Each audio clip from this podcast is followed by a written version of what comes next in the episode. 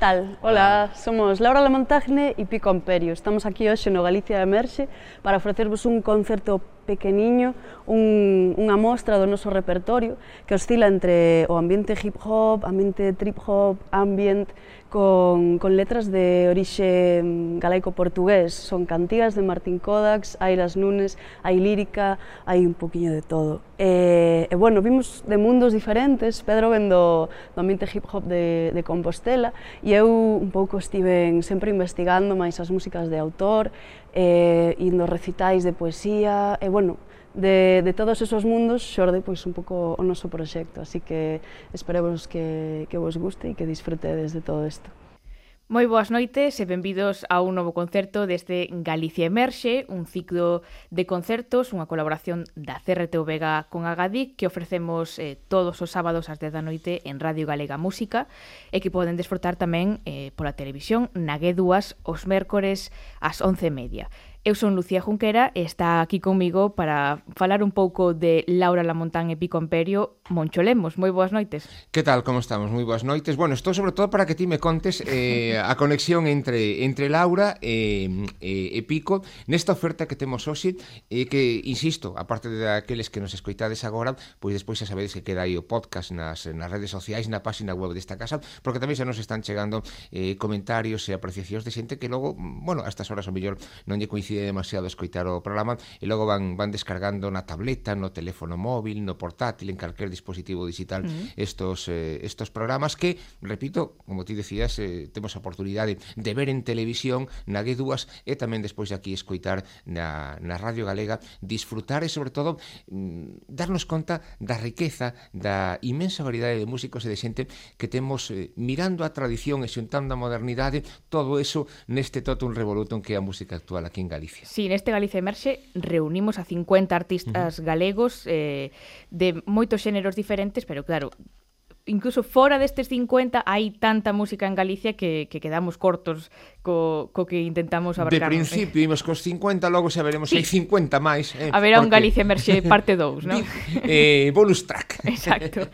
Entón, o que temos hoxe uh -huh. é un concerto moi especial de Laura Lamontán e Pico Imperio, é un dúo... Quenes son exactamente? É unha cousa moi novidosa porque uh -huh. naceron en 2019, é unha cousa moi recente. Eh, mm, Laura Lamontán é unha luguesa, eh, Pico Amperio é de Compostela, Eh, Perdona que, que nos... te interrumpen. A mí Pico soname algo, é disjockey, verdad? El é DJ, uh -huh. sí, sí, sí. Eh, seguramente traballou xa en outros colectivos antes de, de xuntarse con Laura, pero este dúo nace en 2019 e o que nos ofrecen é unha actualización moi moi especial da lírica medieval de galego-portuguesa, das cantigas de, de amigo que todos coñecemos, sobre bases electrónicas uh -huh. que pon eh, Pico Amperio, o noso DJ, eh, tamén de hip hop.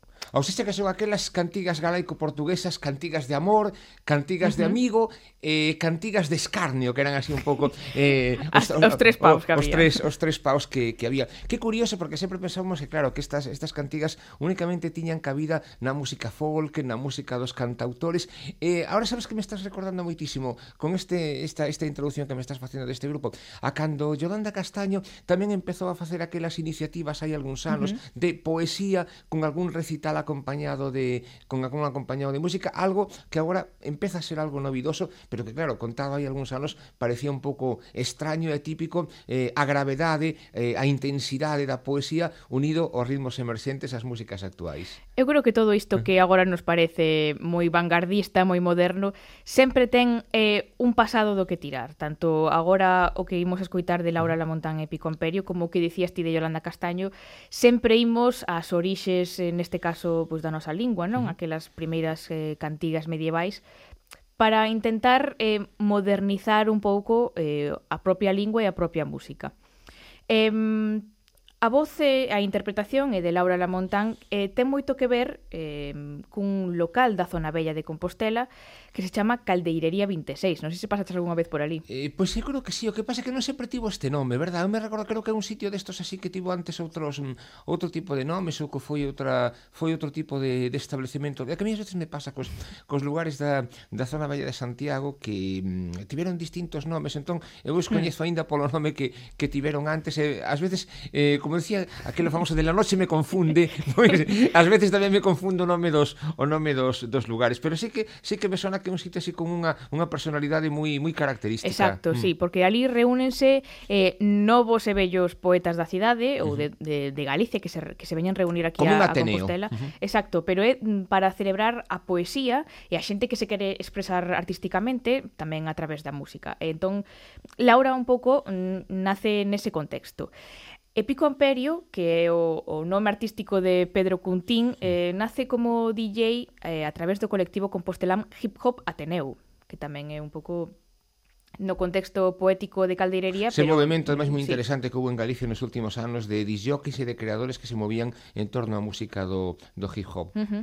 Entón, falamos de un dúo que naceu en Unha luguesa e un compostelán, un compostelán que se xuntaron eh, precisamente en Compostela para eh, interpretar líricas medievais. Entón, se che parece, imos comezar a escoitalos eh, con un, eh, un trovador, como é Aires Nunes, que tamén Ajá. moi celebrado en Compostela, e que que tamén súa... que falabas antes da hostelería, uh -huh. deu nome a un lugar tamén mítico de Outro mítico, de, de Santiago de Compostela, unha mítica cafetería que Aires Nunes. No, porque acórdame porque recordo unha vez con un con un turista ademais eh, que estaba aquí de, de vacacións por Santiago, e bueno, sempre faz este tipo de, de rutas pola zona bella, mm. e hmm. preguntaba precisamente de onde viña o nome desta, chamoulle moito a atención o nome deste establecemento, entón claro, evidentemente iba comigo, pois non sei se era un licenciado en filosofía ou en Historia contoulle un pouco esa, esa historia de onde viña ese nome. Pois se alguén está interesado por saber onde ven ese nome, mmm, imos escoitar a, as primeiras cancións de mm. Laura Lamontana e Pico Imperio que recollen cantigas de Airas Nunes como este Abelaneiras Frolidaxe.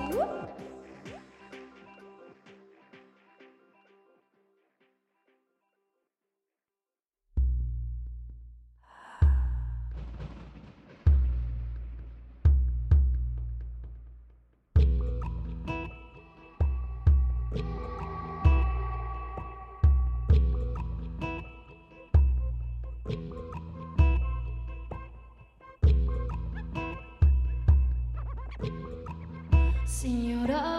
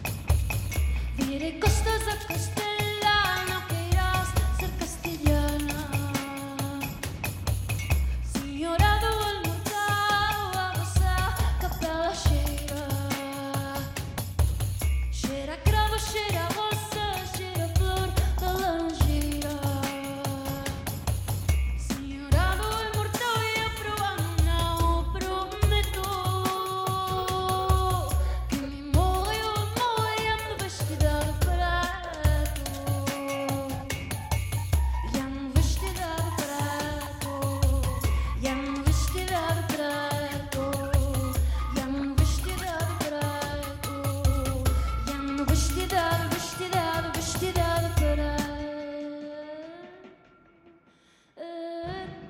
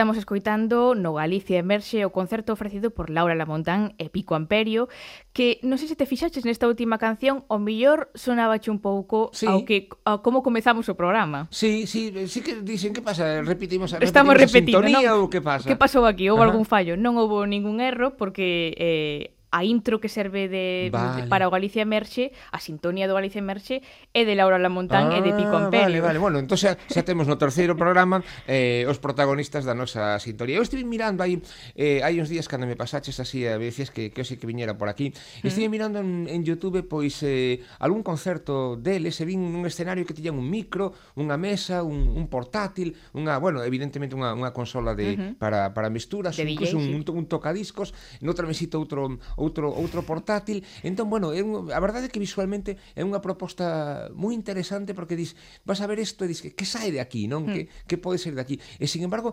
mm, pese a que nun principio pode parecer que estamos diante dunha música moi de nicho, moi sectorial, pois eu creo que é unha, unha música perfectamente, perfectamente incluso, non digo comercial, pero sí que dentro dos estándares do hip hop e das tendencias máis actuais, seguramente o mellor pola, pola riqueza desa, desa lírica galaico-portuguesa. Claro, polo lirismo, sí que, pola poesía. Pode ser, verdad? Claro. Sí, sí. Mm.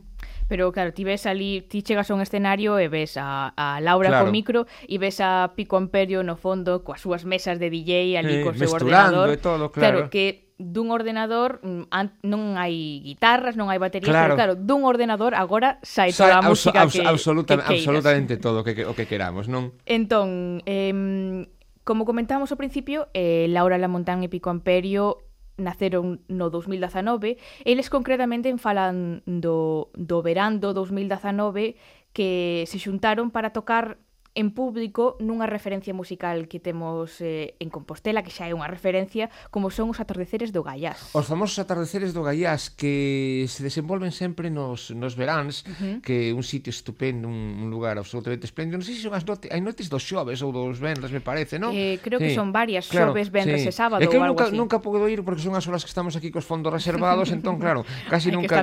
Claro, casi nunca podo ir, pero sí que vexo a programación que sempre me dá moitísima envexa, porque me parece un lugar mm, excepcional. Uh -huh. eh, aquí non temos Ibiza, non temos os chill outs de Ibiza, pero sí que temos as, as noites do, do Gaiás como unha proposta para aqueles que queran disfrutar destas propostas no, no estío, no, no tempo de verán, sin ter o mar ao lado, pero tendo esas vistas absolutamente espectaculares, esa sonoridade, ese lugar onde divisas prácticamente toda toda Compostela e toda, toda a súa comarca. Totalmente, un lugar privilexiado para disfrutar da música e de ali, según eles, é onde pois comezaron a ver que aquilo de de tocar xuntos que se lles daba ben e que a xente lle gustaba. Uh -huh. eh, isto foi no 2019 e xa a finais de 2020, eh, mm, con apenas un ano de vida, levaron o premio ao mellor proxecto de música urbana nos Martín Codas da Música. Que bonito como ás veces dunha curiosidade ou dunha casualidade ou dun xuntarse ata certo punto ocasionalmente para ver como funciona unha proposta, mm. pois pode sair un proxecto tan interesante con esta sucesión de continuidade que parece que de principio van a ter estos estos dos artistas. Claro, pero estamos falando de, de dous artistas que, que son autodidactas, que mm, empezan a probar a música cada un por un lado e que un día se se coñecen, se xuntan para facer música e en menos Conversión. dun ano xa están eh, recibindo premios como da categoría do Martín no, Martín Codas. Codas. Entenden eso, que son propostas aparentemente distintas e dispares, pero que teñen ese nexo en común que da que surde pois este este proxecto, esta reinvención, non sei se si do folk tradicional galego, coas músicas e as tendencias máis actuais, pero a verdade é que é unha, unha historia moi interesante, creo que incluso moi eloxiada fora incluso daqui de Galicia, non? Sí, sí.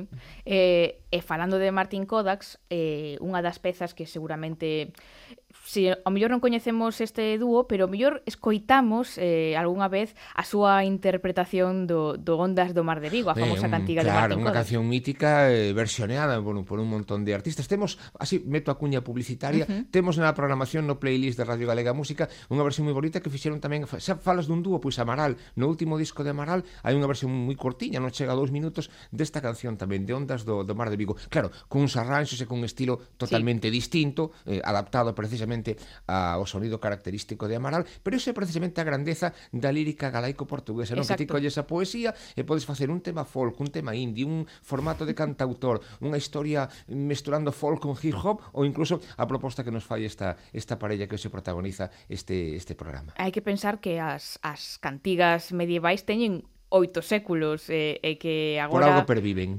Sí, exacto, que está eh, Laura Lamontán e Pico ou Amaral, como dicías, están eh, cantando e interpretando algo que unha persoa interpretou hai oito séculos. Entón, eh, e que bueno, nos sigue emocionando. Exacto. Entón, eh, imos escoitar este Ondas do Mar de Vigo eh, que tan famosos fixo a Laura Lamontán e a Pico Amperio. Poesía electrónica.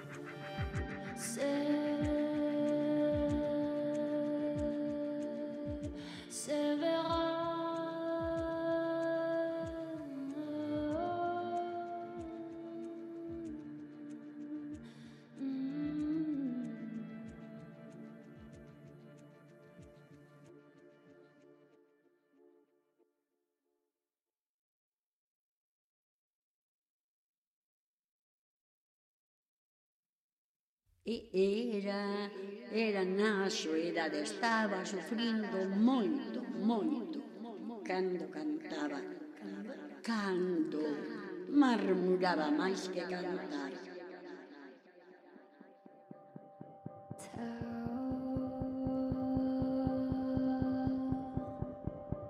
Down.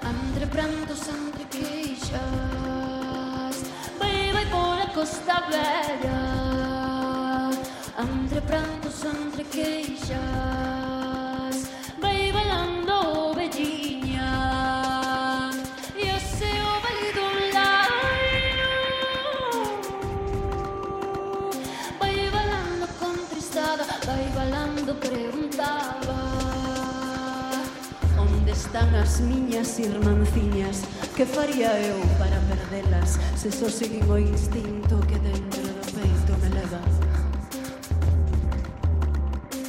Irmanciñas, onde estades? Podo ouvir como borrido Espero verbos e achegarme. Iso non se me permite.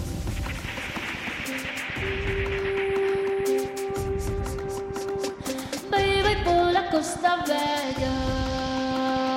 Andre prantos, andre queixas costa vella entre prantos, entre queixas. Vai bailando.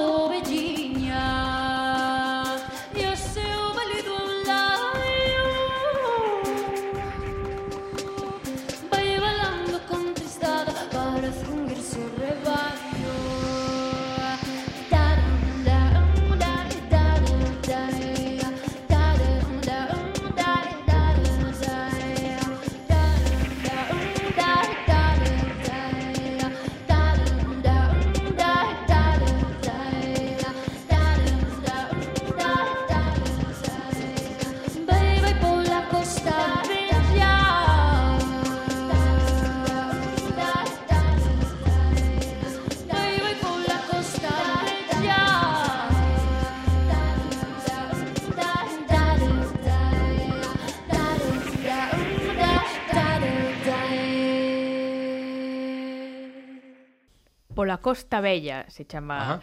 esta canción que vimos de escoitar que cambia un pouco esa tradición, esa, esa reinterpretación da lírica medieval para eh, interpretar desta vez a unha poeta máis contemporánea como é Luz Fandiño uh -huh. a poeta compostelá que xa é un símbolo da, da poesía, da arte, tamén da, da revolución un pouco en Santiago de Compostela. É curioso este, este traxecto que leva eh, tanto a Laura como a Pico como a iniciar ese camiño na lírica galaico-portuguesa uh -huh. e baixo as mismas propostas musicais insistir e facer ese percorrido que nos leva a conectar a poesía contemporánea actual precisamente con esa longuísima tradición. Eu teño unha, unha dúbida, ti que eres unha muller que xa, estás así como moi, si moi pendente, sempre moi moi o tanto das, das tendencias actuais, o éxito e a repercusión que están tendo, eh, por exemplo, no caso concreto dos protagonistas que estamos tendo hoxe neste Galicia Emerse, Laura Lamontagne e Pico Amperio, o éxito, o protagonismo, o interese que están despertando en determinados medios de comunicación, ten algo que ver, por exemplo, con esa porta que abriu nun momento dado Baiuca, o feito de que dende Galicia se considerar esta música e se considerara toda esta escena e toda esta xeración. Mm. Pregunto, e non sei se, se van que... un pouco todos nese, ne, nese mismo paquete temático. Eu creo que Bayuca, para, a, aparte de ser un referente na música electrónica e na, no hip hop tamén, en esas vanguardas que mezclan eh, a música máis eh, novidosa coa tradición, eh, pero Bayuca é ademais O artista, eh, recentemente vin en, en unhas listas de, de Twitter que. Bayuca era o artista galego máis escoitado en Spotify, por exemplo, eh, por riba de, de outros de tantos artistas galegos. Que ellos son un pouco máis máis estrito, que sí, sí que, que, por que, que non sonan máis, non? Bayuca que é máis un, un público máis concreto, pero sí. eh, porén é o, o artista máis escoitado eh, galego sí. en Spotify. Entón, eh, Agora mesmo, eu creo que a Bayuca, Laura Lamontane, Pico Amperio e outros artistas que escuitaremos no Galicia Emerxe mm, teñen esa relación e ademais aproveitan este pulo que está tendo eh, a música de vanguardia as músicas electrónicas. Eh. Es, eh, claro, aproveitando esa posibilidade de que a golpe de clic tes en todo o mundo a posibilidade de que as túas cancións e eh, os teus eh, sons cheguen pois aos eh, os cinco os cinco continentes e conectes coas eh, coas novas xeracións. Uh -huh. Pois é verdade que estamos de, estamos descubrindo ademais estes estos dos artistas esta parella como abordan estos campos musicais tan tan distintos, esta mestura das cantigas de amigos, os ritmos electrónicos, incluso hai un certo ambiente íntimo, esta, eh, de, de, ti razón con eso de que é sí que é unha música moi íntima para ese ese, ese sol porno gai ás oito e media, nove, nove e media da noite Unha sala día. pequena tamén. Sí, tamén, evidentemente, esa, esa intimidade que se consigue coa electrónica. Pensamos moitas veces que a electrónica é allá este tipo de a este tipo de, de sons que é máis de, de, de macroconcertos e de outro sí. tipo de, de eventos, pero non... Pode parecer fría, pero sí. por iso ao mesmo tempo está acompañado pola voz de Laura, que claro. sabemos que é unha voz moi cálida, esas líricas medievais que tamén nos, mm. nos recordan pois, o noso pasado, a nosa tradición, e eso sempre crea un ambiente moito máis eh, cálido, moito máis eh, íntimo. Que ben estamos pasando así, eh? Si, si vostedes os queren seguir pasando ben, xa saben, aquí estamos eh, en Radio Galega Música con esta selección de, de grandes concertos e de, de, de grandes músicas que poden ver na Guidúas na televisión de Galicia e que nos permiten tamén descubrir un pouco estas músicas, estos, estos sonidos, esta, esta mestura entre tradición musical galega, entre modernidade. Temos un montón de registros, temos un montón de sonidos. Saben vostedes que vamos casi barallando, eh, non ten nada que ver a proposta que temos unha fin de semana coa seguinte, Pero bueno, ese precisamente a riqueza musical que temos en Galicia por parte das novas xeracións, incluso de músicos máis veteranos, donde todo tipo de estilos e todo tipo de, de registros coa calidade como denominador común, pois pues, teñen evidente unha, unha proposta que estamos moitas veces aquí aquí des, eh, descubrindo neste neste tópico que a tradición e a vanguardia, pero que eu creo que que sí. tanto Pico como Laura que exemplifican perfectamente. Que máis temos por aí? Con que máis nos sorprenderon neste concerto? Eh, pois que nos este escuitando e que este escuitando a Laura La Montana e Pico Imperio dirá, pero a min está me gustando moito, quero eh, saber onde os podo escoitar sí. ou, ou mm, se teñen un disco ou algo así, E van descubrir que se buscan un pouco mm, non teñen ningún disco aínda ah. e que se buscan tamén en plataformas de streaming como Spotify tampouco van a estar porque claro, estamos eh, xa teñen un certo éxito, pero temos que ter en conta que son eh, teñen un ano de vida aínda. Entón... Co cal aínda ten máis valor a posibilidade de escoitar ou conservar eh, despois no podcast un concerto como isto, porque non Exacto. hai non hai formato disco, non hai eh, CD, non hai unha lista de reprodución en plataformas digitais, senón que Laure Pico hai que velos en vivo, en directo, ou se non de vez en cando ter a oportunidade de recuperar este este podcast cando cando remata a súa emisión e aquí tedes unha mostra do que do que están facendo. Exacto, pero eh, tampouco lle din que non o disco e por iso eh, escoitei en varias entrevistas recentes, tanto cando lle deron o premio como eh, neste verán que dicían que xa están traballando nun disco. Entón eu creo que son moi boas noticias porque veremos eh, estas o que estamos escuitando hoxe, pero tamén cousas novas que aínda non escoitamos e que seguro que os que Sí, que despois agora de meterse pendentes... no estudio de grabación sí que van a, a desenvolver algunhas das, das historias que apuntan nos seus concertos, non? Exacto, é unha cousa totalmente diferente meterse nun estudio a gravar mm. que cantar eh, bueno, un concerto en directo. Entón seguro que vemos moi pronto o primeiro disco deste dúo. Eh, para seguir escoitándos, para seguir descubrindos, eh, botamos man de novo de Martín Kodax uh -huh. en outra das súas eh, famosas cantigas, cantigas como Cantigas é... galaico-portuguesas, que bonita, que descubrimento está supoñendo para min a posibilidade de, de disfrutar desta, desta lírica galaico-portuguesa con estos arranxos e con, con esta ambientación tan, tan, tan contemporánea, non? Os, os poetas da ouro da, da, da, lírica, Totalmente. da lírica galega que, que creemos que únicamente se podían cantar, os podíamos escoitar dun xeito determinado. Nunca pensei que poderían ter un, un percorrido tan interesante nas músicas actuais contemporáneas. Queríamos que eran cousas de, de libros, de libros de literatura sí, sí, ou de sí, sí. antigos manuscritos, sí, ou incluso de no. cantautores ou de dunha música un pouco máis na, na bueno, no pop ao mellor máis estándar, no, no folk máis tradicional, e sin embargo esta esta reinvención eu creo que que toda unha sorpresa. Pois imos estar moi atentos á radio porque eh, seguimos escoitando a Laura Lamontán e Pico Amperio con esta cantiga Bañarémonos nas ondas. Mm.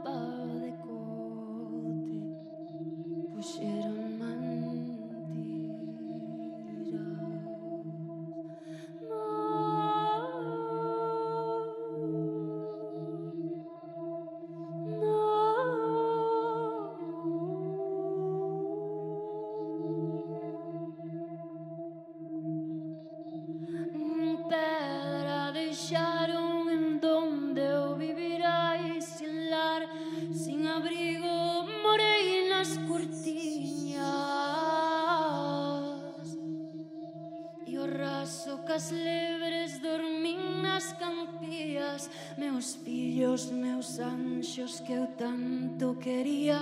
Morreron, morreron.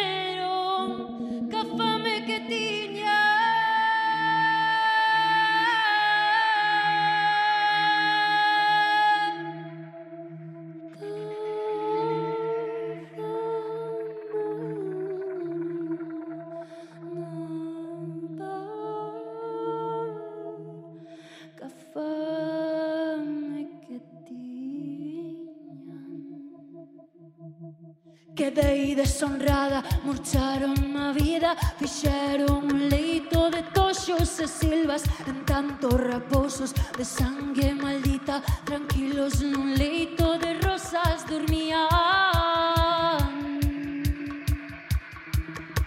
Salvademe, xueces, berrei, tolería, de min se mofaron, vendeu-me xustita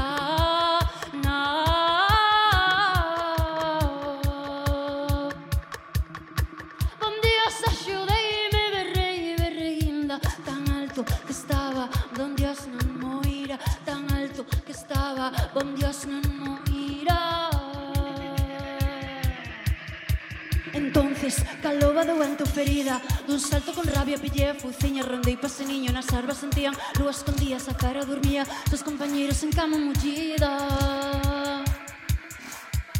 Mireinos con calma e as mans estendidas Dun golpe, dun soio Deixeinos en vida Dun golpe, dun soio, deixeinos en vida. E ao lado contenta senteime das vítimas Tranquila esperando a alba do día Tranquila esperando a alba do día E entonces, entonces compreos esa xustiza E un eles e as leises nas mans que os ferira. E un eles e as leises nas mans que os ferira. E un eles e as leises nas mans que os ferira.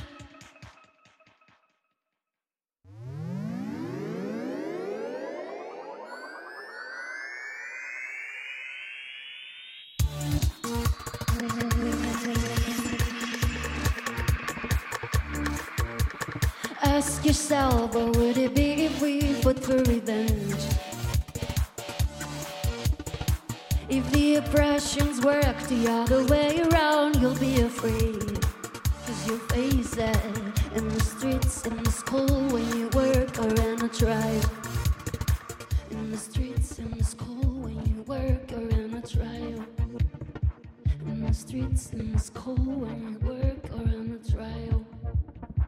The judge will ask where you were wearing. Passive subject, as if the murderers couldn't be named. They always wonder if you're lying. Their doubts will be your only common doubt will be a, Their doubts will be your only common doubt will be a, Their doubts will be your only common doubt will be a, Their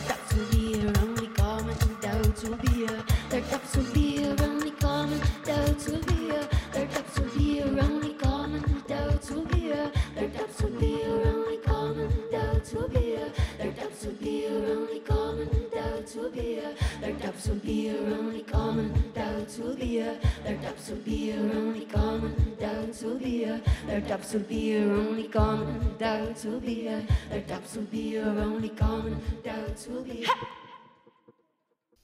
E con este poema de Rosalía, A xustiza pola man, reinterpretado por Laura Lamontana e Picomperio, remata este esta proposta musical eh, que nos presentaron para o Galicia Emerxe.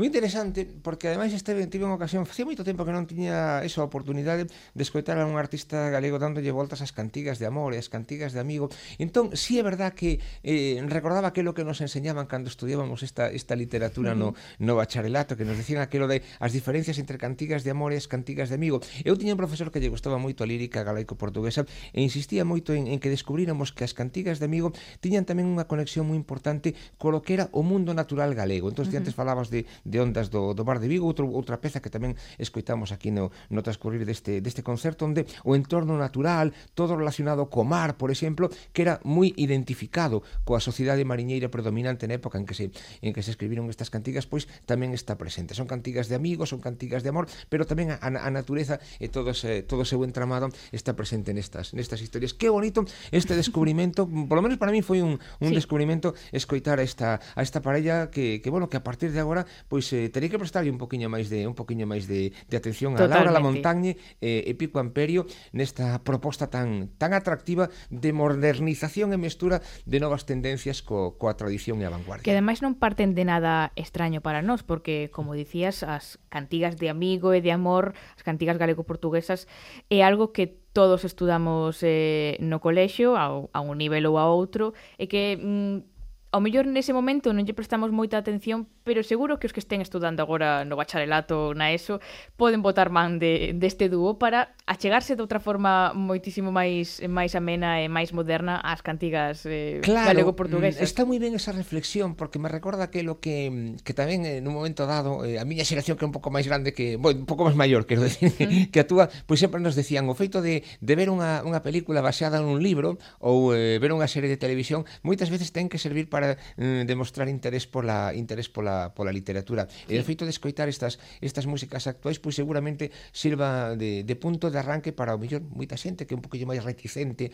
eh, a lírica, aos textos e aos poemas, pois descubrir polo menos un, unha pincelada e achegarse a esta a esta poesía e incluso volver a reinventalas mm. con outro tipo de con outro tipo de sonidos. Se hai algún profesor ou profesora de galego que nos este escoitando, que Pode tome moi boa nota sí, deste sí, deste grupo. Porque pode ser unha inmersión moi interesante nas, eh, nas clases de, de, de filoloxía ou de literatura galaico-portuguesa, claro que sí. Eh, Vos a tempo poñer unha canción máis, sí. Claro, é que, como vimos, este mm. repertorio de Laura Lamontane e Pico Imperio que propuxeron para Galicia Merxe ten todo base na lírica medieval, tamén a tradicional mm. e mm-hmm. tamén en poetas como Rosalía de Castro ou Luz Fandiño, pero eh, imos escoitar tamén eh, unha mm, proposta propia, unha creación propia mm, con con letra original eh, Que non é unha recreación dos poetas Claro, porque vale, todo o vale, que escritamos vale. ata agora era unha mm. reinterpretación de, de poemas e de cantigas De textos previos que xa existían, Exacto. claro eh, Pero eles tamén, tamén Son creadores eh, e Escriben as súas propias Ajá. letras Entón, parece moi interesante eh, tamén escoitar a Laura Lamontani e a Pico Imperio eh, interpretando unha letra máis eh, propia para sí, eles, sí. como é Lugoslavia. Que qué bonito, canción... qué bonito, porque ademais eh, alguén pode pensar, claro, bueno, se, se limitan simplemente a coller eso, a facer un, son como unha banda de covers electrónicos, ¿no? que, que fan que fan covers da poesía existente. Pois non, está moi ben, eh, tamén dan un pouco a idea de que non se queren quedar precisamente nun dúo que se dedique fundamentalmente a alimentarse de textos xa existentes, senón que teñen a súa capacidade eh, como letristas que moitas veces moi, moi difíciles de conseguir. Bueno, pois pues, vamos a escoitalos entón. Unha luguesa como eh, Laura Lamontán eh, mm, proponnos esta canción que se chama Lugoslavia.